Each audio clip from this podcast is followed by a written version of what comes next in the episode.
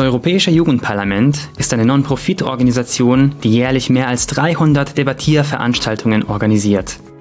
Diese Veranstaltungen sollen eine Art Simulation des echten Europäischen Parlaments darstellen und sie erreichen rund 28.000 Jugendliche europaweit. Das Ziel ist, den Jugendlichen die Werte der Europäischen Union zu vermitteln und den kulturellen Austausch über die Grenzen der Mitgliedstaaten hinaus zu fördern. Die Organisation hat auch ein serbisches Äquivalent, das jedes Jahr eine Nationalsitzung mit jungen Delegierten aus unterschiedlichen Ländern veranstaltet. Dieses Jahr wurde an der Universität Novi Sad die 16. serbische Nationalsitzung veranstaltet, die den Namen Andromeda trug, benannt nach dem Sternbild des nördlichen Sternenhimmels. Die Themen, mit denen sich die aus 16 Ländern angereisten Teilnehmer und Teilnehmerinnen befassen konnten, sind diejenigen, mit denen man sich auch im echten Europäischen Parlament befasst. Dies umfasst Themen wie Umweltschutz, Digitalisierung, Urbanisierung, Transport, Menschenrechte und vieles mehr. Wir sprachen mit Teilnehmern aus dem deutschsprachigen Raum. Wir sind äh, Teil des akademischen Teams. Äh, wir haben hier äh, elf Chairpersons, wie wir sie nennen, also Ausschuss, Ausschussleitende, ähm, die mit den Delegierten, mit den Teilnehmenden arbeiten. Und wir als Vizepräsidentin und mit der Präsidentin coachen die. Das heißt, wir haben sie trainiert, äh, wir geben ihnen Feedback, wir helfen ihnen, wir am Ende des Endprodukts gehen das mit ihnen durch, um das zu korrigieren und schauen, dass da alles passt. Das heißt, wir sind so in unterstützender Tätigkeit und leitender Tätigkeit für die äh, Ausschussleitenden ähm, da. Ich kann es nicht ganz genau sagen, aber es sind so um die 80, 90 Delegierte plus ich schätze mal so 40, 50 ähm, Officials, also die Ehrenamtlichen, ähm, die das hier leiten. Ähm, natürlich viele aus Serbien, gerade bei den äh, Teilnehmenden, aber auch bei den Officials und sonst aber relativ bunt. Also jetzt in unserem akademischen Team haben wir Leute aus Bulgarien, aus Polen, aus Frankreich, aus ähm, Georgien, aus eigentlich ganz, äh, ganz Europa, äh, weil das auch irgendwie so den Kern des Europäischen Jugendparlaments ausmacht, dass es so bunt und vielfältig ist. Wir haben da verschiedene Schritte, die wir durchgehen. Das von, wir starten erstmal, um sich kennenzulernen, dass man die Namen lernt, aber auch, dass man quasi so ein bisschen die Freundschaften schließt. Ähm, einfach, das sind dann eher Spaß, spaßige Spiele, ähm, die wir machen, aber auch ähm, verschiedene, wir nennen es Conflict Games, ähm, um quasi so ein bisschen zu üben und zu schauen, wie können wir als Gruppe zusammenarbeiten. Und dann geht es weiter in ähm, das, die, die, die, Ausschussarbeit, in der dann das Endprodukt, äh, die Resolution erarbeitet wird. Und das Ganze wird dann flankiert von äh, verschiedenen Rahmenaktivitäten, sei das einfach ein Socializing am Abend äh, oder vielleicht aber auch ähm, verschiedene kulturelle Sachen. Gerade ist ein äh, Workshop Soft Skills zu Ende gegangen, solche Aktivitäten. Ich bin einer von der, ähm, einer Delega einer, ein Mitglied einer Delegation und wir sind hierher gekommen, um ähm, uns politisch zu engagieren und Diskussionen zu führen und vor allem auch andere Leute kennenzulernen und ja, die Kultur auch ein bisschen vom Land zu erkunden. Und womit beschäftigen Sie sich in Ihrer Resolution? Ähm, ich bin vom Reggie Committee und wir diskutieren hauptsächlich darüber, wie Städte in Zukunft aussehen werden, wie man sie verbessern kann, ähm, genau, was da für Möglichkeiten gibt, in die Zukunft zu blicken. Und was gefällt Ihnen am meisten hier beim Jugendparlament? Mm, ich glaube, es sind tatsächlich die Freizeitaktivitäten und die Konversationen, die man zwischen den Committee Works hat, weil es sehr interessant ist, andere Leute kennenzulernen, mit ihnen auszutauschen, ähm, ja, und einfach die Leute kennenzulernen, Spaß zu haben. Das gefällt mir am besten.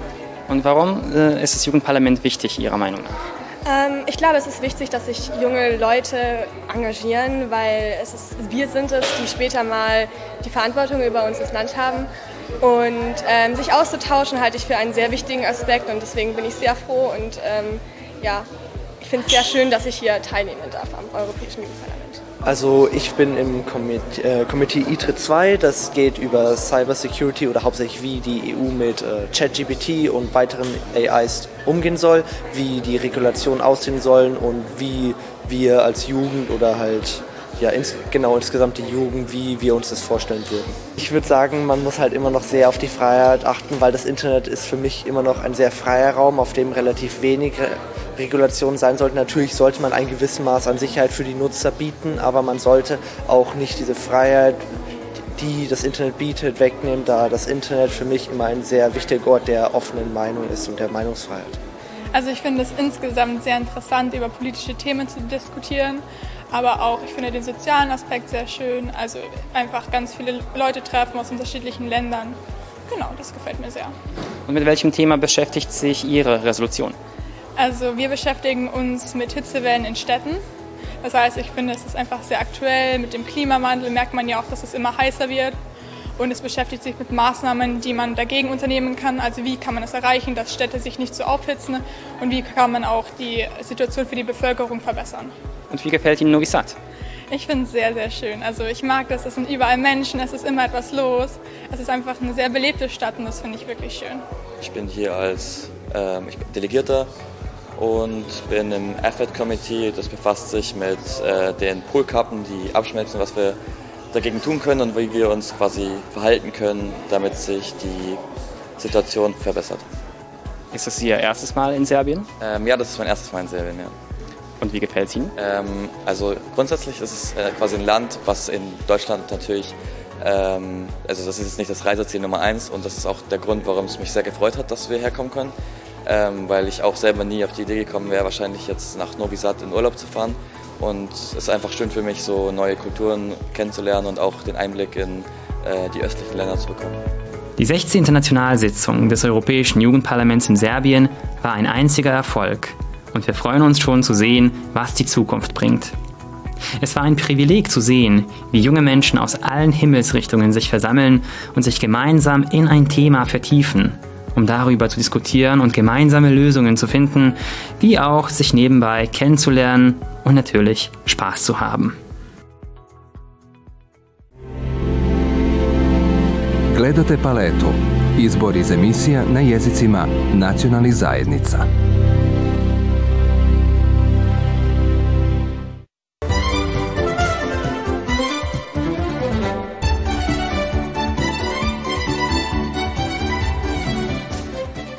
Städte Novi und Sibiu bzw. Neustadt und Hermannstadt verbindet einerseits der deutsche Name, andererseits aber auch die sogenannte Sommerakademie Siebenbürgen. Und mit mir heute ist Frau Ivana Peitsch, die jedes Jahr Studierende aus Novi Sad nach Hermannstadt führt und die auch dieses Jahr vor Ort war und dort einige Gespräche geführt hat. Und ja, Frau Peitsch, was können Sie uns über diese Akademie sagen?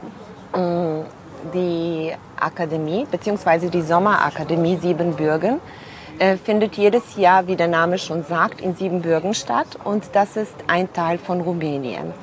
Und das Konzept der Akademie ist so gestaltet, dass man in den ersten Tagen Vorträge und Workshops hat und in den darauffolgenden Tagen wird, werden diese Workshops mit äh, verschiedenen Ausflügen verbunden, wo Studierende aus Novi Sad und aus dem deutschsprachigen Raum und dieses Jahr auch aus Belgrad und aus Kroatien, aus Zagreb, dann eben die Kultur der Siebenbürger Sachsen bzw. heute der Rumänen-Deutschen etwas näher kennenlernen. Ja. Und das ist das ungefähre Konzept der ganzen Akademie. Und was ist das Thema bei diesem Projekt? Also worüber geht es und mhm. was machen die Studierenden dort? Ähm, das ursprüngliche Ziel war, ähm, einfach Studierende zusammenzubringen und die interkulturellen Kompetenzen zwischen diesen Studierenden zu fördern, beziehungsweise von unserer Seite, also aus Novi Sad und aus Belgrad und Kroatien, wäre das dann so gestaltet, dass die äh, Deutsch Studierenden, Stud äh, Studenten dann eben die deutsche Sprache mehr üben, im, äh, äh, auch die aktuelle deutsche Sprache mehr üben und andererseits wäre es dann von den deutschsprachigen Studenten so gestaltet, dass es mehr so Lehramtsstudierende sind und diese sollen sich einfach nur mit dem osteuropäischen Raum etwas näher bekannt machen. Ja, und wer organisiert das, beziehungsweise wer finanziert das alles? Das Projekt wird von der Donauschwäbischen Kulturstiftung des Landes Baden-Württemberg finanziert, deren Geschäftsführer Christ Eugen ist. Aber die Akademie selbst wird organisiert von zwei tollen Deutschprofessorinnen, von Frau Maria Saas und von Suntild Galter. Und wir sind ihnen sehr dankbar, dass unsere Studierenden schon seit so vielen Jahren an dieser tollen Akademie teilnehmen können. Ihre Eindrücke teilten mit uns zwei Studentinnen aus Novi Sad. Dank Frau Peitsch haben wir auch die Eindrücke von Teilnehmern aus anderen Städten bekommen, sowie die Erklärung von der Leiterin der Sommerakademie, wie die ganze Idee entstanden ist und wie sie sich bis jetzt entwickelt hat. Äh, Ausgangspunkt war äh, ein Treffen von verschiedenen Vertretern der Germanistik Ich war damals Lehrstuhlleiterin der Germanistik. Eigentlich bin ich auch jetzt in der Leitung der Germanistik von Hermannstadt.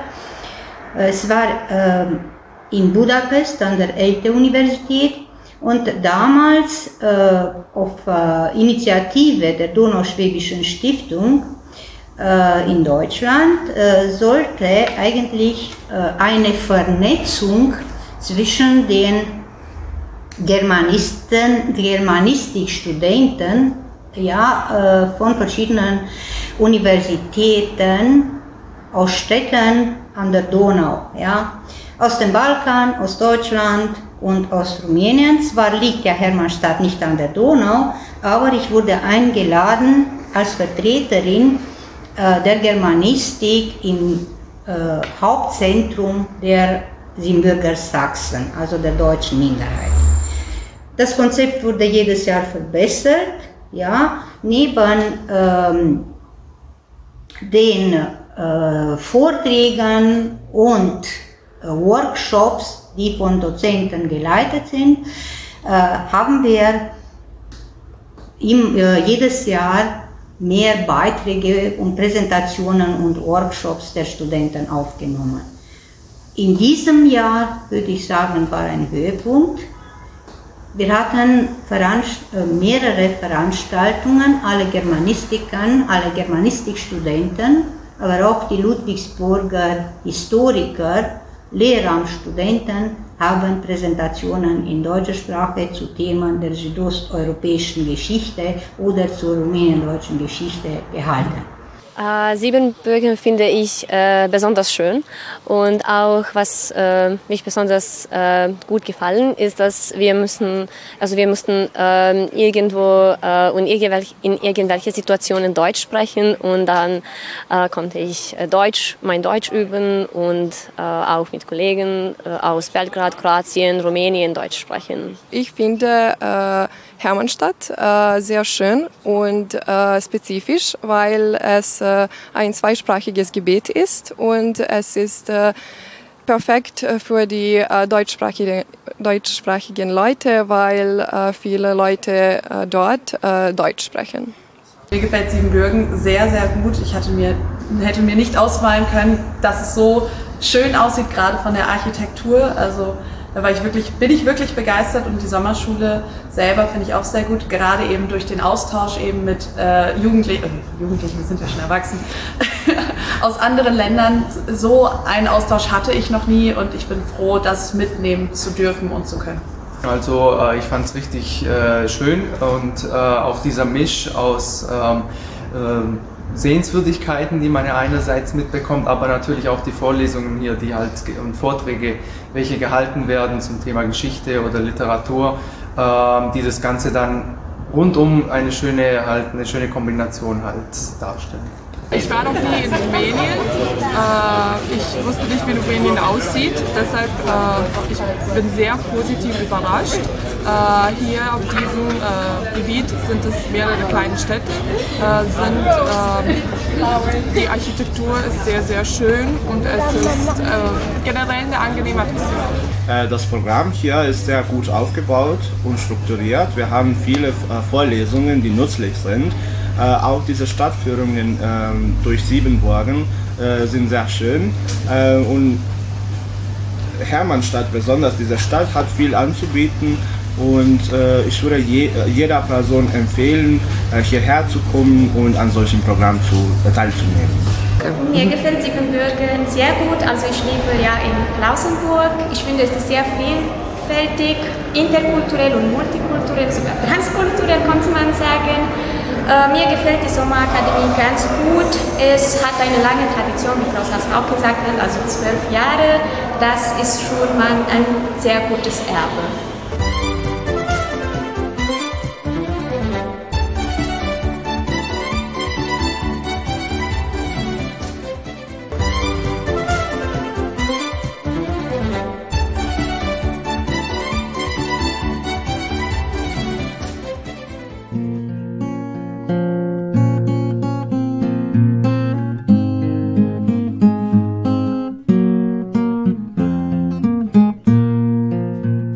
Junge Kantor aus Bestan sammelt seit beachtlichen zehn Jahren Gebet- und Gesangbücher aus seiner Umgebung.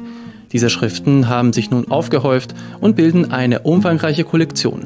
Darunter befindet sich auch eine große Anzahl an Werken in deutscher Sprache. Das erste Buch habe ich von einer ziemlich alten Frau hier aus dem Dorf bekommen. So auch äh, die meiste, also der Großteil von diesen Büchern habe ich von den alten Personen hier aus dem Dorf bekommen. Jetzt habe ich mehr als 200 Gebet- und Gesangbücher. Äh, das Großteil ist äh, verfasst auf der deutschen Sprache, aber es gibt auch ziemlich großen Teil, das, ich, äh, das ist auf der ungarischen Sprache, aus Bunjevacisch, Slowakisch und Lateinisch. Das älteste Buch, das habe ich, stammt aus dem Jahr 1753. Es ist das Buch, das heißt Kanzelreden. Es sind die Predigten für alle Sonntag und Fasttagen für einen katholischen Priester. Nicola konnte seine stolze Kollektion im Januar dieses Jahres sogar im Rahmen einer Ausstellung in der katholischen Kirche in Bestan zeigen. Die große Zahl deutschsprachiger Werke in seiner Sammlung erklärt unser Gesprächspartner mit den vielen Druckereien in den deutschen Städten der Batschka in der Vergangenheit. So wurden beispielsweise in Apatin oder Hotschak viele Bücher auf Deutsch gedruckt. Äh, ich benutze diese Bücher. Schade, es gibt nicht so viele äh, Heilige sind auf deutscher Sprache, aber wenn es gibt, dann benutze ich diese, diese Bücher. Ich bekomme äh, diese, diese äh, von den alten Personen, wie ich habe gesagt, ich bekomme diese Bücher äh, noch heute. Ich habe äh, einen großen äh, Teil von den donauschwabischen äh, Büchern bekommen.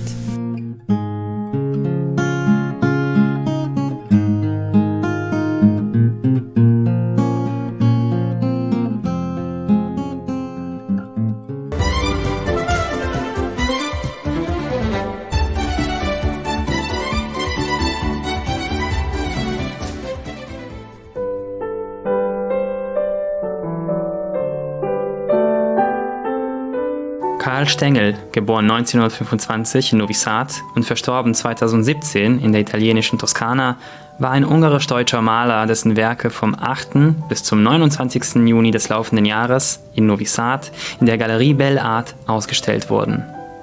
In seiner Kunst dominiert ein expressionistischer Ausdruck und laut dem Maler selbst bekam er seine Inspiration stets von Musik. Seine abstrakten Kunstwerke sind somit eine Widerspiegelung dessen, wie er die Verschmelzung von Rhythmus und Ton wahrgenommen hat. Seine persönliche Entwicklung wurde am meisten durch seine Erfahrungen während des Zweiten Weltkrieges geprägt, beziehungsweise durch seine Erfahrungen als Kriegsgefangener in Sibirien. Anders als die meisten Kriegsgefangenen war ihm die harte Arbeit im sibirischen Winter jedoch erspart geblieben. Die russischen Wächter erkannten nämlich sein Talent, als er einen seiner Mitgefangenen mit einem Stück Kohle zeichnete. Von da an hatte er die Pflicht, jeden Abend einen der russischen Soldaten zu zeichnen, was seine Umstände wesentlich erleichterte. Bis 1956 lebte er in Ungarn, doch beim Einmarsch der sowjetischen Truppen floh er nach München und lebte eine Zeit lang dort, danach aber auch in Italien, wo er letztendlich künstlerische Anerkennung fand. Karl Stengel, so erzählte uns die Geschäftsführerin der Galerie Belle Art, genießt trotz seines internationalen Ruhms hier bei uns überhaupt keine Bekanntheit. Die Ausstellung ist in Zusammenarbeit mit der florentinischen Galerie Imaginaria entstanden, zu der es jedoch rein zufällig gekommen ist, durch ein Treffen der zwei Galerien in Budapest bei der Kunstmesse Art Market. Der Geschäftsführer der florentinischen Galerie Imaginaria bemerkte, dass auch eine Novi Sada Galerie bei der Messe vertreten ist und nutzte die Gelegenheit, seine Sammlung von Kunstwerken dieses bei uns noch unbekannten Novi Sada Künstlers für eine Ausstellung anzubieten. Karl Stengel hat eine außerordentlich interessante Biografie und künstlerische Laufbahn, die zweifelsohne noch kommende Generationen begeistern wird. Die Ausstellung seiner Werke in seiner Heimatstadt wird sicherlich nur die erste in einer Reihe von vielen sein.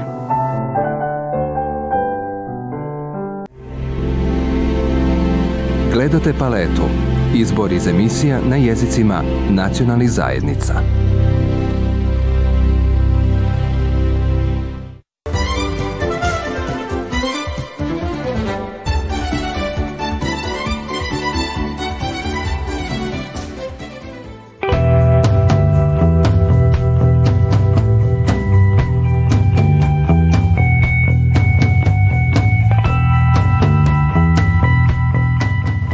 Ethnische Zugehörigkeit und Identität. Beide sind äußerst wichtige Fragen für eine jede Minderheit, so auch für die deutsche Gemeinde. Mit mir ist heute ein junger Mann namens Albert, mit dem ich über dieses Thema sprechen werde. Hallo, herzlich willkommen, dass du Danke, dir vielen Dank. Zeit genommen hast für uns. Äh, stell dich bitte zuerst kurz vor, äh, sag etwas an unsere Zuschauerinnen und Zuschauer. Gerne. Also, ich bin Albert, ich komme aus Sombor. Ich bin 25 Jahre alt und momentan studiere ich Maschinenbau an der Fakultät der Technischen Wissenschaften hier in Novi Sad. Ja, und dein Nachname ist Haug, das hast du nicht gesagt? Genau, Albert Haug, ja. Dein Nachname verrät mir schon, dass du sicherlich irgendetwas mit der deutschen Gemeinde zu tun haben musst. Äh, sag Äh, etwas dazu. Genau, ja, du bist richtig. Also, das ist ein deutscher Nachname äh, und äh, es stammt von äh, Donauschwaben. Also, meine Oma, vaterseits, äh, ist äh, aus, nicht aus Deutschland gekommen, aber sie sind Donauschwaben. Zu welcher ethnischen Zugehörigkeit bekennst du dich? Denn du kannst ja sehr gut Deutsch, deine Muttersprache ist aber, wenn ich richtig liege, eigentlich Serbisch. Genau, ja, meine Muttersprache ist Serbisch und äh, das ist eine interessante Frage, muss ich sagen. Also nur vor kurzem habe ich mich als Deutscher äh, bezeichnet, soll ich sagen. Ähm, früher habe ich auch Serbe geschrieben, auch dass ich äh, Kroat bin, ähm, auch Ungarn, äh, ungarische und ähm, ja, nur vor kurzem, als ich Deutsch gelernt habe, fühlte es richtig äh, zu sagen, dass ich ein Deutsch sein kann. Anhand seiner Kenntnisse würde man es vielleicht nicht sagen. Albert lernt jedoch erst seit etwa zweieinhalb Jahren Deutsch in einer Schule. Er erwarb die Sprache also nicht von seinen donauschwäbischen Vorfahren. Und sprichst du mit irgendwem zu Hause, mit Familienmitgliedern oder Verwandten vielleicht Deutsch? Äh, vielleicht nur ein bisschen, aber mit meinem Vater. Und wenn ich Zeit habe und auch wenn ich in Apatin bin, spreche ich ein bisschen mit meiner Oma Deutsch. Aber das geht ein bisschen langsamer, als sie ein äh, stärker schwäbischer Akzent hat.